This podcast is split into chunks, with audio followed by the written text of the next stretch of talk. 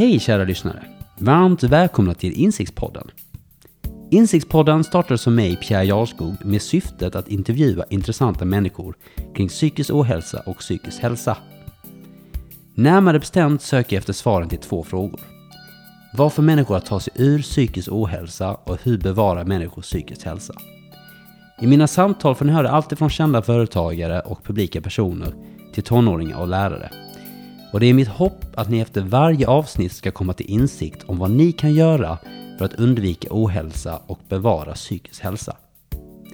Gillar ni vad ni hör får ni gärna följa Insiktspodden på iTunes eller Soundcloud och följ oss gärna också på sociala medier och berätta vad ni tycker. Njut av ännu ett avsnitt av Insiktspodden. I dagens avsnitt möter vi Axel Norsén. Axel är 23 år gammal och figurerade nyligen i Sydsvenskan och i Lunds lokaltidning kring hans resa från dataspelsberoende till förebild. Jag mötte Axel förra året när han började sin inre resa genom organisationen Förebilds ledarskapsprogram för ungdomar Gå före. Där hade jag nöjet att se Axel gå från en vilsen person som alldeles för länge hade tagit skydd bakom skärmen till att bli en ledare. Idag, tack vare hans inspirerande resa, hjälper han organisationen Förebild att hjälpa andra ungdomar att hitta sig själva. Njut av ett avsnitt som delar Axels insikter om hur man når fram till någon som är fast i ett flyktbeteende och hur man tar sig från känslan att botten är nådd till att hjälpa andra på väldigt kort tid. Njut! Varmt välkommen Axel! Tack. Ja, Axel, som jag berättade lite grann i introt här så eh, har jag fått följa din resa genom eh, mitt eh, engagemang kan man säga i Gå före, den här ledarskapsorganisationen som tränar unga ledare. Som jag har förmånen att eh, ja, hjälpa till lite grann genom mina andra engagemang. Och det är så spännande att se den resan du har haft ifrån första gången jag träffade dig i den här organisationen eh, som tränar unga ledare till den personen du är idag. Och jag kan helt ärligt säga att medan jag tyckte att du var en eh, charmig ung man redan då, så tycker jag att du har blomstrat ut och verkligen, eh, det lite grann skiner av dig faktiskt just nu. Och bara senaste månaderna så har du ju även varit med i tidningen för ditt engagemang nu i Gå före. Och den resa som du har haft ifrån, eh, ja, om vi ska bara läsa lite högt här. Jag satt hemma och spelade dataspel och lämnade aldrig mitt rum, förutom att äta. Och nu är du med och hjälper andra unga ungdomar egentligen att vara, ja, komma ur samma sorts situation som du befann dig i. Mm. Men jag tänkte Axel, du kan väl få presentera dig själv lite grann och berätta lite grann hur, hur du kom i kontakt med Gå Före och vad orsaken till det var. Mm. Ja, Axel Norsén här då. Um, det var ju så här att jag, precis som du läste från tidningen, så satt jag i en rätt tråkig situation där jag inte gjorde särskilt mycket utöver att spela dataspel helt enkelt och gömma mig för mina bekymmer. Eh, likt så många andra gör. Och eh, min mamma var lite desperat, givetvis, för detta hade pågått ett rätt bra tag. Och eh, hon hade fått höra från en av sina adepter att det var en kurs i Lund som handlade om ledarskap, det lät väldigt kul och tog kontakt med den då och frågade, ja, okej, okay, jag vet att det här är för organisationsbundna medlemmar egentligen etc. etc. Men hur kan jag få med min son för att jag liksom, jag vill ha in honom, för han måste göra något annat. Och eh, hon fick svar då från Stephanie och sa att ja men om, om, han skriver själv och visar att han vill gå med så, så tar vi med honom utan problem. Och då blev det så helt enkelt. Och varför ville din mamma att du skulle gå med här? Vad är, vad är bakgrunden till det egentligen? För det är ju ändå en rätt en stor grej att en, ens mamma ber henne göra något. Ja. Alltså, det var ju att bryta mitt beteende helt enkelt. Att få mig ur Eh, rummet och ur situationen som jag var i. Att liksom inte bara stirra blind på väggarna runt mig utan uppleva något annat. För hon vet om att jag tycker om sånt egentligen. Och hon har helt rätt. Det var ju, det var ju fantastiskt kul när man väl började. Så det var helt enkelt att eh, en liten psykisk snäll, in, ja jag vill säga, jag vill inte säga smör på käften men klapp på kinden i princip. Liksom. Um, för att jag bara får mig att liksom lyfta mig. Från oh. där jag var liksom. Okej, okay, och, och där du befann dig kan man säga då, då din, uh, ja, då innan gå före det var att uh, det var väldigt mycket dataspel och lite isolerat kan man säga. Eller hur, hur, var, hur kan man säga, hur, hur såg ditt liv ut innan gå före började? Uh, det, det var rätt tråkigt. Satt och hade liksom ströjobb för att överleva ekonomin gick knappt runt. Och ehm, då sitter man fast utan att kunna göra någonting och för att inte vara ute och lägga pengar på saker och ting så sitter man hemma och spelar dataspel istället. Det kostar inte så mycket att bara sitta där liksom. Man slipper äta lika mycket, man rör sig mindre och bara sitter och gömmer sig lite grann för sina bekymmer som sagt. Och ehm, ja, det var så det var. Man, man jobbade de tider man jobbade och sen var man fruktansvärt sparsam eh, för att klara sig och allting slutade med att man satte sig vid datorn liksom. Så det, det, var, det var där det cirkulerade helt enkelt. Ja, Okej, jag förstår. Fanns det någon bakgrund till varför, eh, var det så att du alltid haft ett intresse sedan du var väldigt ung eller var det någonting som eh, härledde till att eh, du hamnade då och, ja, kan man säga flydde till datorn och började spela dator så mycket? Ja, då får man väl hoppa rätt långt bak egentligen. Jag, ja, jag och min äldre bror, vi fick varsin dator när vi var yngre. Det var ju då det började bli stort med datorer. Det kom in, det blev liksom en hushållsgrej. Alla hade det, alla hade tillgång till det och det blev jättevanligt. Sen så kom ju spelen med det och det tyckte man var världens roligaste grej liksom. Så, så att växa upp i den uppsvingen så blev man liksom lite mer automatiskt, ja men det är klart man ska göra det för att alla håller på med det. Och då sitter man ju rätt mycket till att börja med, för man tycker det är rätt kul och sen så spelar man och så spelar man med sina vänner och så bildas det en, en ja, så en grej av det helt enkelt. En gemenskap så att säga. Och um, ja, det, det tog ju en liten, uh, liten dålig vändning där i och med att jag hade ett flyktbeteende, jag har flyktbeteende som jag fortfarande brottas med. Uh, som jag haft sedan tidigare, som har kommit genom att ja, ljuga för mina föräldrar och eh, ja, missköta skolan etc. etc. Och det blir ju en, en del av flyktbeteendet, att gömma sig genom att bara sitta vid datorn och ignorera allting var ju fantastiskt bra sätt att gömma sig helt enkelt.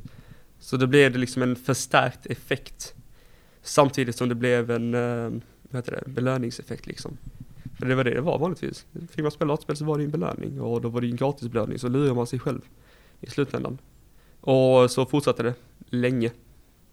Så-. Så hur, hur det här flyktbeteendet då eh, och datorn, var det någonting som pågick under flera år och blev värre och värre eller var det något som kom lite mer här eh, senaste tiden då? Mm.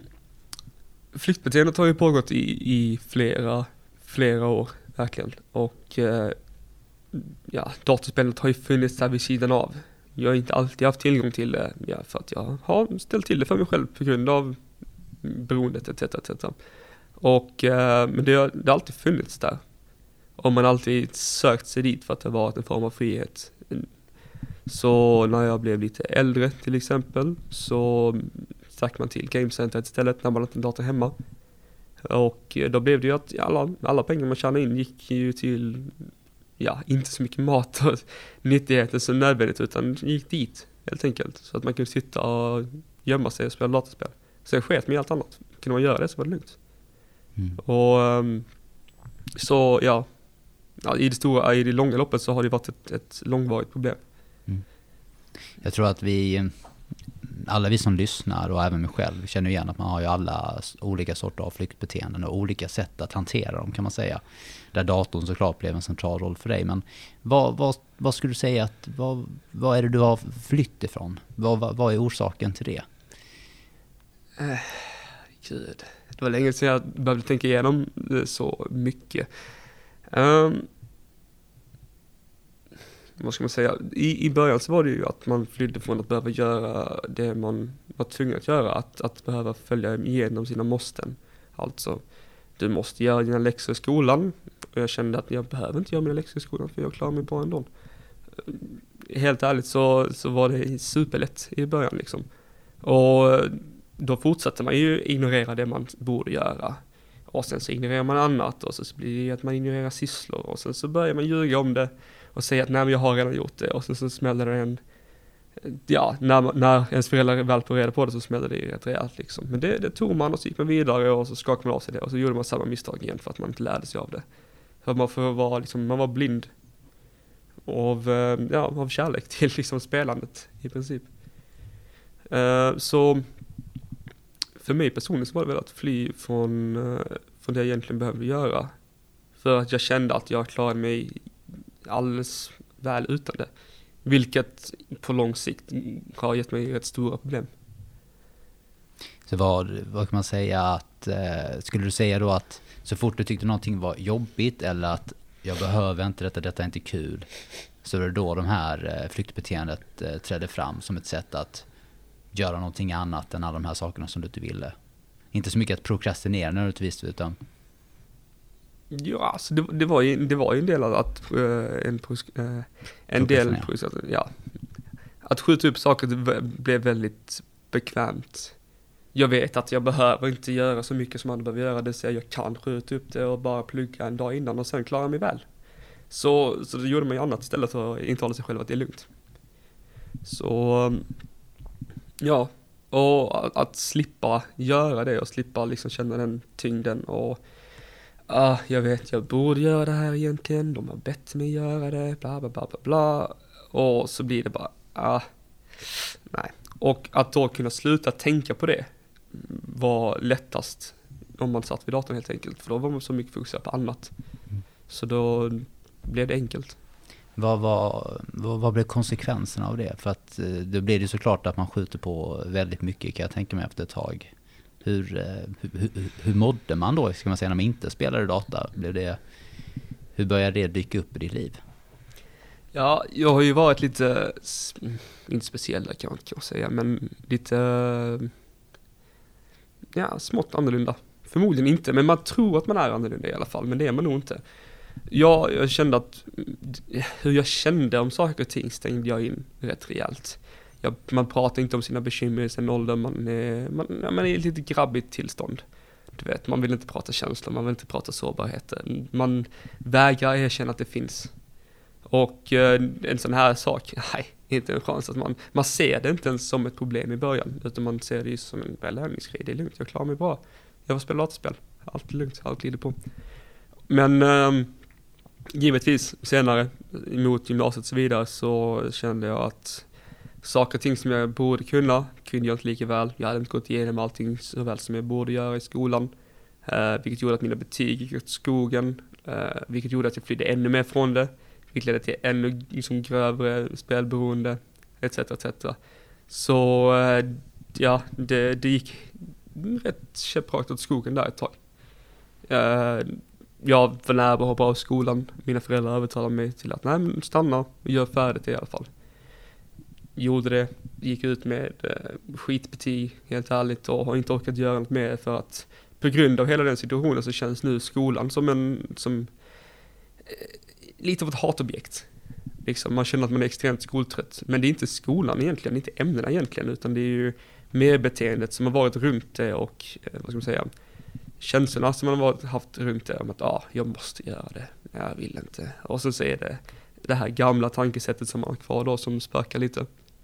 Och eh, ja, det eh, sitter kvar tyvärr. Ja, jag kan ju bara för föreställa mig eh, när man vaknar upp till det där och man märker att man hamnar efter och det är inte kul och det bara förstärker beteendet och man flyr undan och sådär. Vad, hur, hur tog du dig ur det? För att jag menar, det måste ha känts riktigt, riktigt dåligt. Och jag tror att vi alla eh, kan tänka oss att om vi sätter oss in i den situationen liknande som vi alla varit i så, så upplever man inte riktigt välmående. Eller man, man skuttar inte av glädje i alla fall när man inser att eh, saker och ting börjar gå åt helvete eller gå skepprätt åt skogen. Vad, vad, hur, när du befann dig där i den situationen och man känner att man var tvungen att göra någonting åt det här, vad, vad, vad var det som hände? Hur såg det ut? Mm personligen så, så känner jag att, ja, liksom till, till liksom fortfarande då så har jag fortfarande lite minisvårt att faktiskt se det som ett problem. Men desto mer man pratar om det, desto mer tydligt blir det. Och det är därför det är så viktigt att göra det. Men när man väl hittar det, um, okej, okay, det, här, det här håller inte riktigt. Och mina föräldrar har sett det länge och jag börjar liksom, ah, börjar inte kunna röra mig särskilt väl, etc. etc. Det, mm, kanske borde göra någonting och då, då försöker man en period och man till exempel jobbar eller gör någonting annat. Och sen så går man tillbaka sakta men säkert till det ursprungliga beteendet för att man inte riktigt kommer någonstans. den, den stora förändringen finns inte där.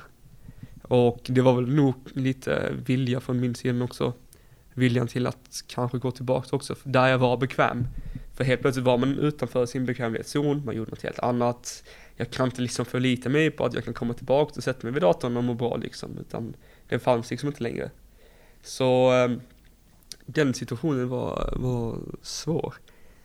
Och eh, det var väl inte egentligen förrän eh, den drastiska åtgärden med förebild och, och hela den historien som det blev ett, ett riktigt skutt ifrån alltihop. Eh, och ja, då blev det så att eh, jag gick med i liksom, den här gruppen, jag gick kursen, fann det till att vara en fantastisk grej, fortsatte med resan, började prata med, med Stephanie som, eh, som skötte det hela om att göra mer med det helt enkelt. Och eh, det gjorde jag liksom. Och jag kände, jag kände tidigt när jag gick det här och, och tyckte det var så kul så tyckte jag att okej, okay, nu har jag en chans att ändå vända på det. Nu har jag en chans att ta tillvara på det och jag borde göra det på bästa sätt. Det vill säga jag borde ta kontakt med föreläsarna, jag borde liksom försöka knyta nya kontakter och försöka se nya möjligheter för en gångs skull. För att, eh, ja, jag, jag har aldrig brytt mig om att glädja mig själv särskilt mycket, utan det har varit mest vad andra tycker. Det är inte särskilt smart i längden. Det, det är inte något jag rekommenderar alls. Men eh, med lite, med lite eh, självinsikt och med lite ålder och så vidare, så, vidare så, så tog man liksom ett, ett, ett, stort steg framåt med hjälp av de runt omkring en. Så, ehm, ja, det tog lång tid att bli av med det. Men eh, nu, nu är det bättre i alla fall. Vi kan väl, för, för de som inte är 100% eh, säkra på just det, kanske gå före och förebild. Skulle du kunna berätta vad, vad för topp av eh, organisation är det och vad, vad är syftet med eh, organisationen Förebild? Organisationen Förebild jobbar ju då för att utbilda unga ledare till bättre ledare genom olika föreläsningar som ja, där de hyr in föreläsare helt enkelt. Vi hade ju bland annat Linus Törnblad då som är en eh, gammal idrottssymbol för psykisk ohälsa och sen har vi haft andra jätteduktiga föreläsare när det gäller feedback och inkluderande ledarskap och annat smått och gott. Och ehm, ja, man tar en, en, ja, vad ska jag säga, en kurs där det är en gång i veckan där man får de här föreläsningarna och sen så pratar man inom, eh, inom gruppen med andra unga ledare och eh, ja, med de andra föreläsarna också, för de finns ju där. Så, ehm, ja vad ska man säga? Helt enkelt en organisation som, eh, som vill utbilda unga, och inte unga ledare bara, utan unga överhuvudtaget till eh, bättre personer. Mm. Lära dem leda sig själva så de sen kan leda andra liksom. Okay. Ja, ja men jätteintressant och det finns jag tror vi alla som lyssnar kan känna också att eh, tanke på när man läser tidningen om ungdomshälsan och i allmänhet och är det ju sådana eh, initiativ och engagemang som man verkligen vill stötta och eh, se växa. Där ungdomar får eh, den sortens stöttning eller den sortens utbildning. Men vad, vad, vad, var det egentligen lärde dig kan man säga? För att jag menar om vi då kollar på ett beteende som har funnits kvar rätt länge. Så gick du med i den här organisationen, gick på föreläsningar. Så vad, vad var det du fann som gjorde att det blev lite enklare att, du vet, komma ur? För jag tänker de av oss som befinner oss i samma situation eller framförallt kanske känner någon som vi känner är på väg och sitter där. Oavsett det är framför datorn eller vad det än kan vara för beteende. För jag menar, vi har alla olika sätt att fly undan. Vad, vad, vad var det du fick med dig som gjorde skillnad för dig? för mig personligen så var det nog en, en kontakt med ett, ett jag som var lite innan jag, liksom, innan jag tappade all tro på mig själv i princip. Eh, för att, som jag nämnde innan, så mina föräldrar vet om att jag tycker om lite ledarskap och lite sånt här smått och gott. De tycker om eh, att se mig vara ute bland folk och kommunicera och vara social och lära känna nya människor. Och det blev en väldigt bra kombination av saker och ting här. Man fick nya kontakter inom vuxenvärlden, man fick nya kontakter överhuvudtaget, eh, nya kunskaper om ämnen som man inte varit så insatt i inom ledarskap och nya insikter. Och eh, en ny energi till att göra saker och ting.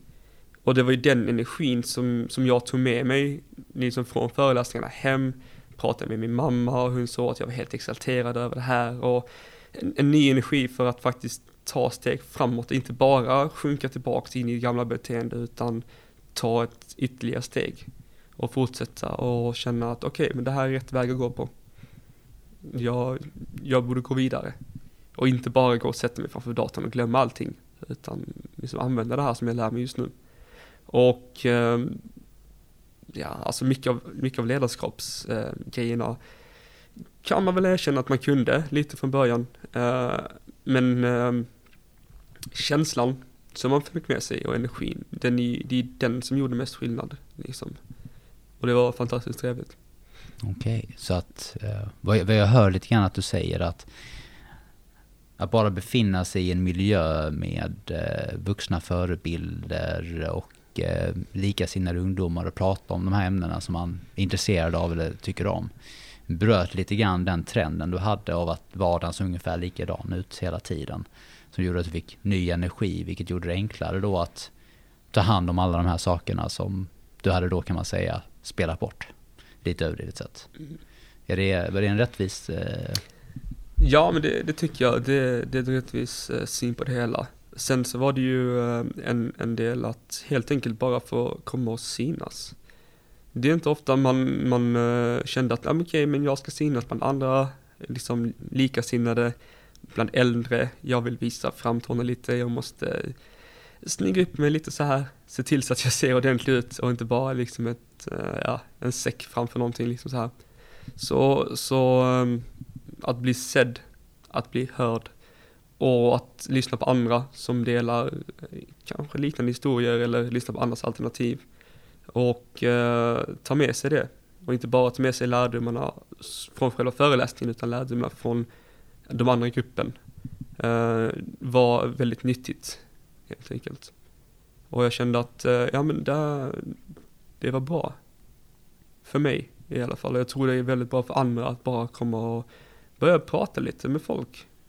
Det var, en, det var en väldigt skön miljö att börja i. Det var inte jättemånga där nödvändigtvis. Utan man kunde vara bekväm, man kunde vara sig själv.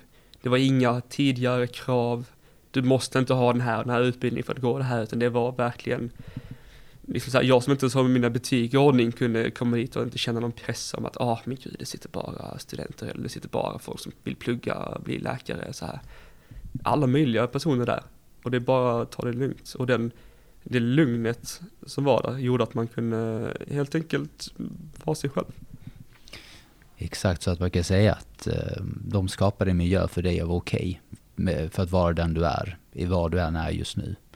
Och sen helt enkelt tillförde ja, ny energi och kunskap på ett sätt som också var rätt villkorslöst. Som gjorde det kanske roligare att engagera sig också, låter det som. Det, ehm, väldigt intressant för att jag menar, vi, jag tror vi alla brottas nu med om hur vi ska lösa, eh, du vet, hur vi, vad ska vi göra med våra barn? Och kollar man då vad skolan gör så känns det som att eh, en stor del är mycket nya krav snarare. Kanske betyg i lägre åldrar och dylikt.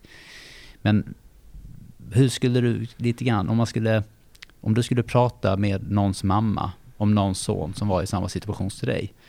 Vad hade ditt råd varit då? Om vi då såklart utesluter möjligheten att kanske gå den här kursen. Är det då bara att bekräfta eller eh, ta in en familjevän som kan vara som en mentor? Vad, vad, vad, tror du hade hjälpt om du inte hade kunnat göra just den här kursen men haft ungefär samma för, förutsättningar? Mm. Det är en bra fråga.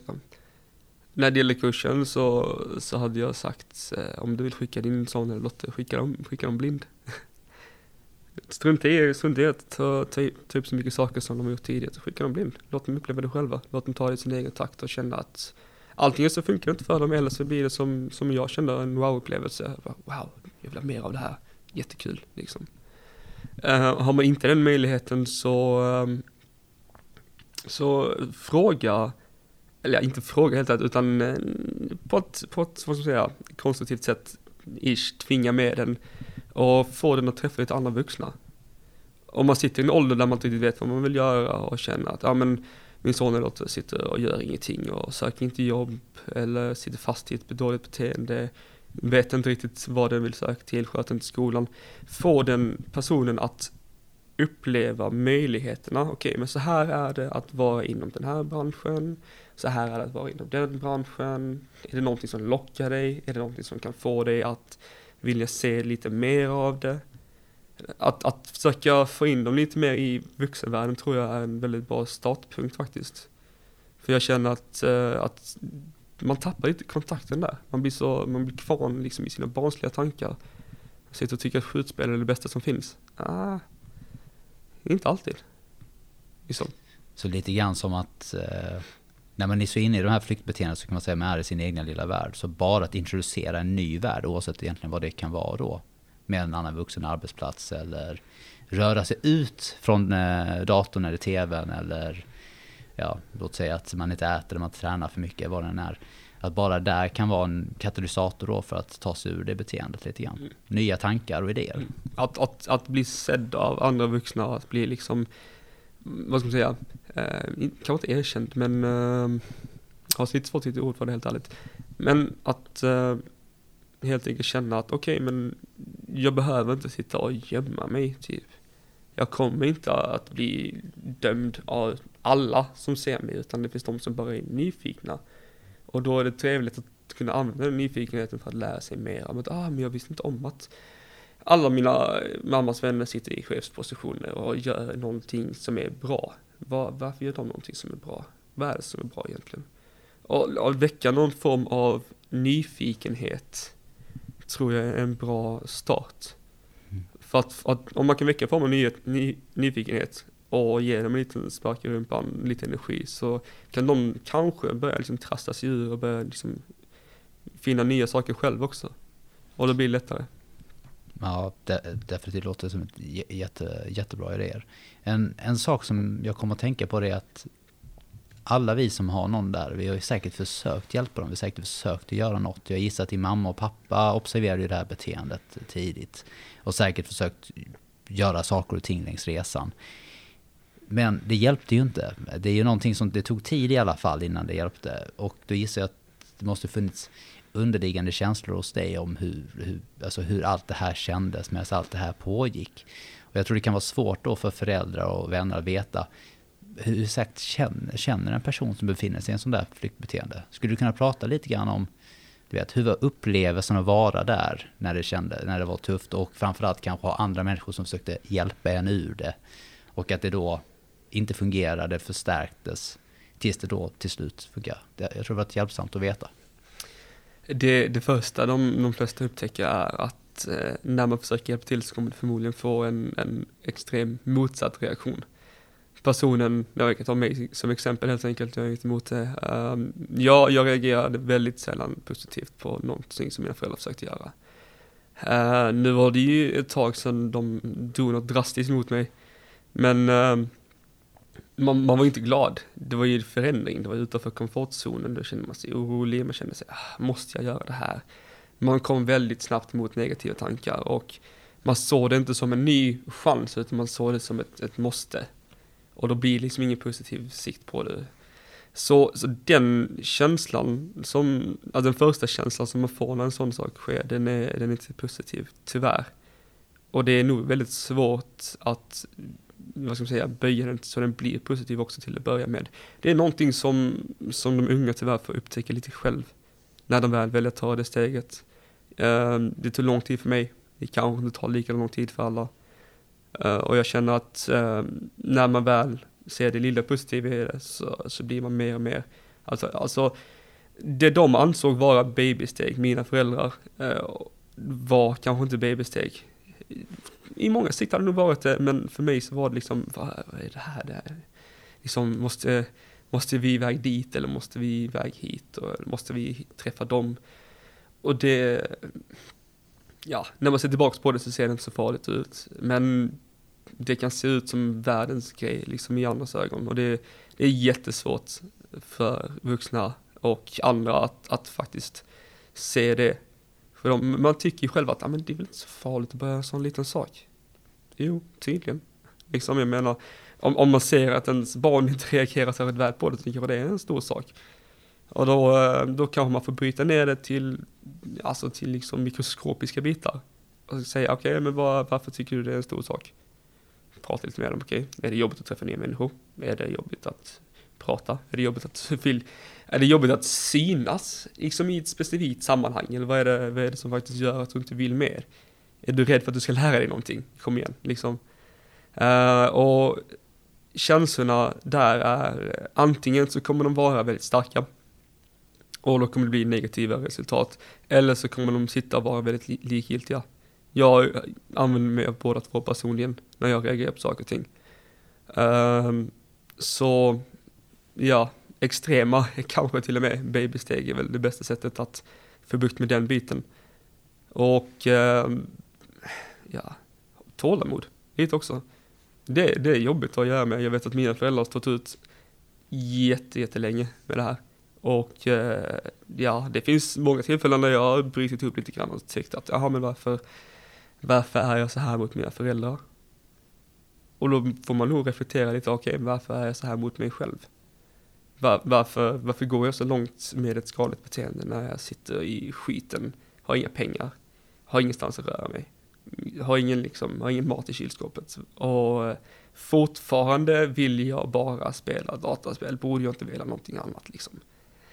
Uh, så, så, att uh, reflektera inåt är väl nog lika viktigt.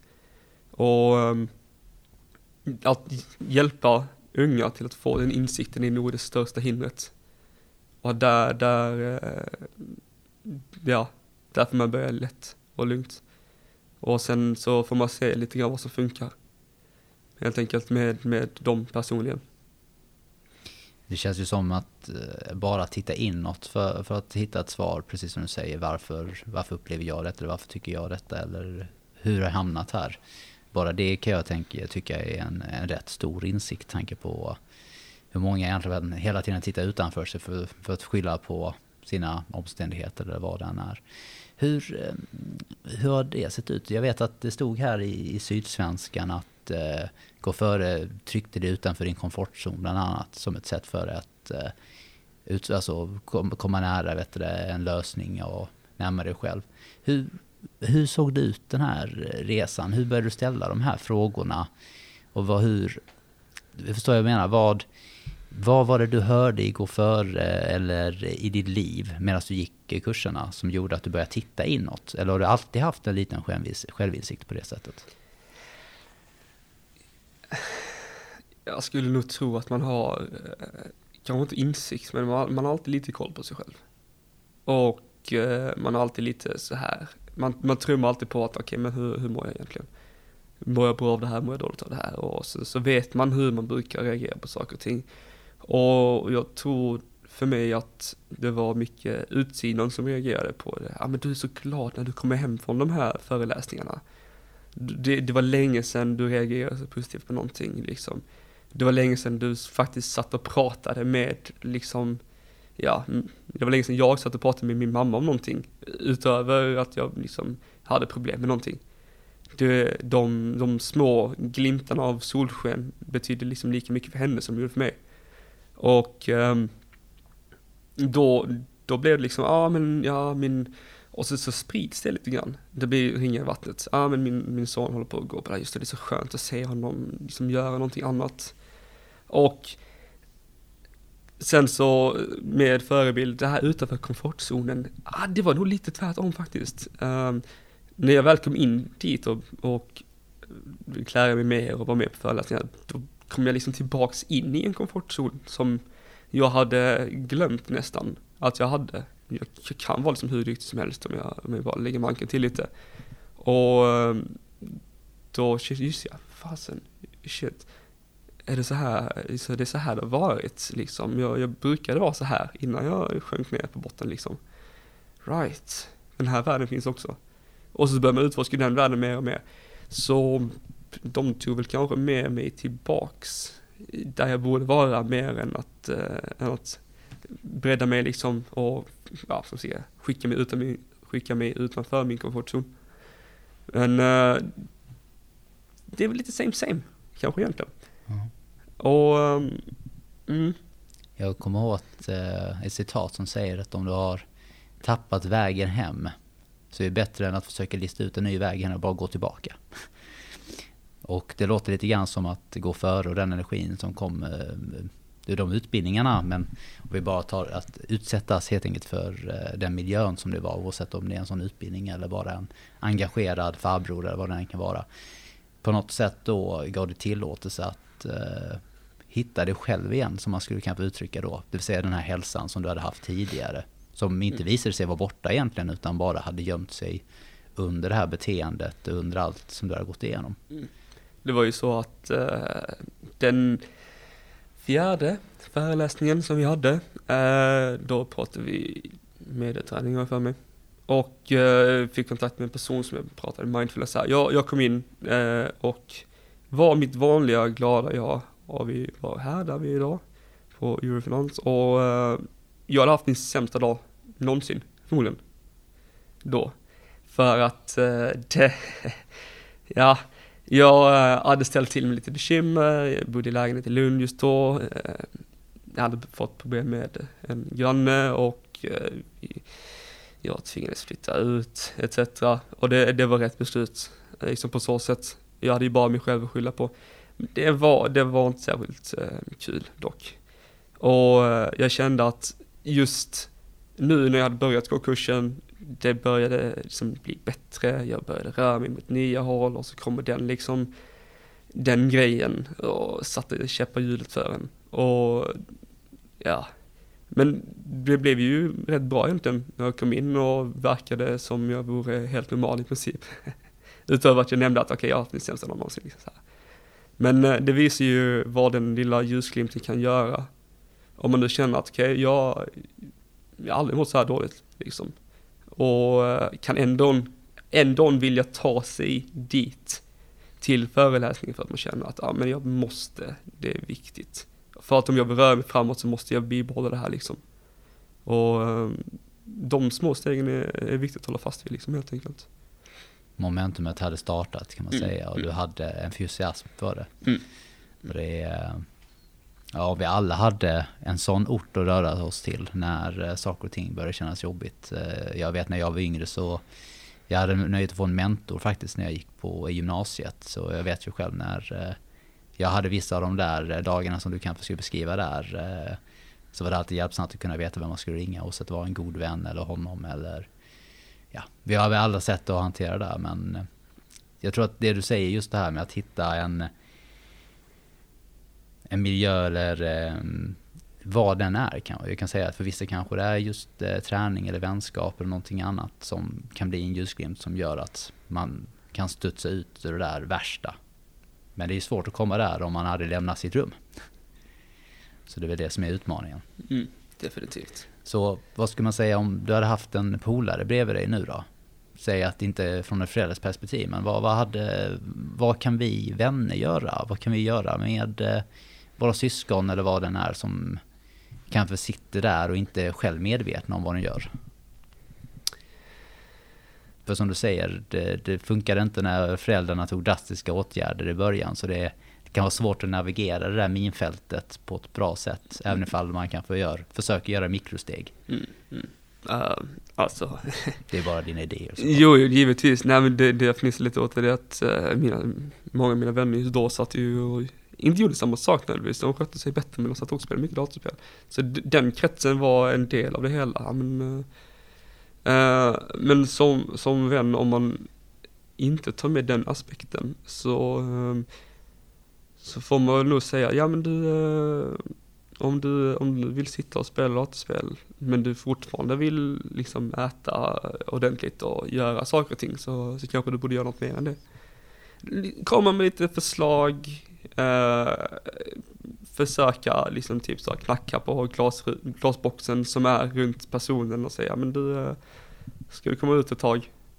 Ska vi, ska vi liksom bara ut och gå och sätta oss och snacka skit någonstans? Alltså jag underskattar inte hur skönt det är att bara snacka skit med någon. Det, det är så gött för att man, man glömmer det ibland. Man pratar mycket med folk över nätet också men att just ha kontakten personligen med någon och se hur de reagerar. Det, det, det, liksom det tappas lite just nu. Det är så lätt att prata med någon över nätet eller liksom över telefonen eller vad det nu är liksom. Så man, man syns mindre känns det som. Om man inte nu bestämmer att ah, ja, vi ska sätta oss och fika eller så här liksom. Um, från, vänspe- från vänperspektivet så um, kan man nog vara lite hårdare dock, känner jag. Det är mer acceptabelt att, ja men okej. Okay. Det, är, det är inget måste, det är kul att hänga med sina vänner. Så att, att knuffa lite på dem och säga, ja men vi gör något annat idag. Liksom, vi behöver inte sitta och lira dataspel, vi tycker det är skitkul. Vi kan göra det i helgen istället. Vi kan sitta i 24 timmar och göra om vi vill, men just idag så gör vi något annat. Och där tror jag, kanske inte att man behöver ta något ansvar direkt, men uh, om man ser ett problematiskt beteende så, ja, försök. Liksom. Mm. Det är rätt intressant, när jag läser artikeln så, så inser, förstår man ju då att Gå före jobbar egentligen bara med ungdomar i föreningar och organisationer tidigare. Men tack vare då din involvering som kom från din mammas engagemang och att du engagerade då och skrev det här mejlet. Så har nu Gå före valt att satsa på fler människor som kommer för utanför föreningslivet. Och dessutom lyft in dig som då en projektledare eller kan man säga en, en del i Gå före. Eh, för att eh, vara med och driva vidare hela det här eh, ungdomsprogrammet. Så att lite grann vad man säga från datanörd till förebild. Själv känns det lite grann som att du ska hjälpa andra att nu kunna göra samma resa som det eller var det. Kan du prata lite grann, hur, hur, känns, hur känns den resan om du tänker dig från vad du var till att du nu kommer hjälpa andra kanske hamna ur det där flyktbeteendet? Konstigt. Det är absolut första reaktionen. Det har gått väldigt snabbt. Eh, från att gå kursen i höstas till att ta tag i sitt liv i januari och bla bla bla och så nu allt det här och alla förmåner som kommer med det, alla personer man får träffa, alla trevliga seminarier och liknande man får vara med på. Eh, det, det är en fantastisk möjlighet och då känner jag att nej, men det är klart man ska ta den. Men jag personligen har fortfarande lite svårt att se mig själv som en genuin förebild. Trots att jag gör allt det här, trots att jag pratar ut till tidningen och berättar om min historia så här, så, så sitter det kvar lite så här, eh, ett frö av tvivel att man, nej men, eh, ja, eh, hur är det egentligen? Men det ska bli skönt att leda andra sen. Ja, och berätta liksom mer face to face och se liksom hur deras säga, hur deras resa blir till hösten då. Eh, om de nu gör något liknande, det vet jag inte. Det kanske inte blir så att det är någon som har suttit i min situation som kommer med. Det vet man inte, men det, det är i alla fall kul att berätta om. Och eh, ja, man hjälper ju sig själv genom att hjälpa andra. Och det är ju så det har blivit just nu. Så det här med projektledare, så det, det har verkligen gått från 0 till 100 på väldigt kort tid. Och eh, tycker fortfarande det är fantastiskt kul att hjälpa till med och jobba med helt enkelt.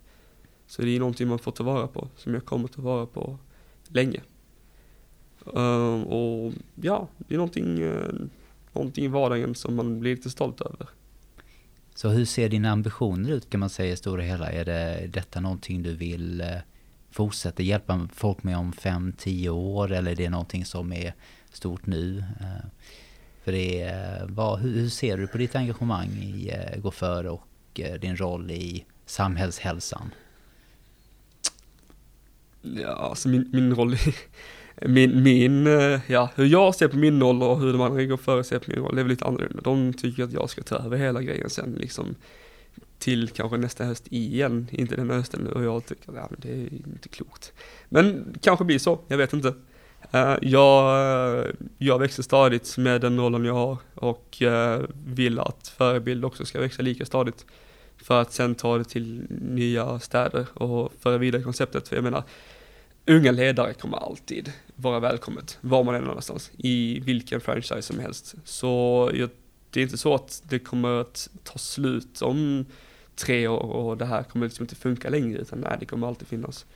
Och um, jag vill också vara med, liksom så pass länge. Jag, jag står jättegärna om tio år och berättar samma historia för en ny grupp. Och jag tror att de kommer kunna koppla, ja kanske inte lika mycket för att jag är lite äldre då. Och det är svårt med åldersskillnaden, för de tror inte att man har varit i dumma situationer när man är äldre. Uh, och det är, ja, alla vuxna vet hur det är att prata med yngre. De tror inte att de har varit unga själv, liksom. De bara, nej, du har aldrig varit barn, du vet inte hur det är.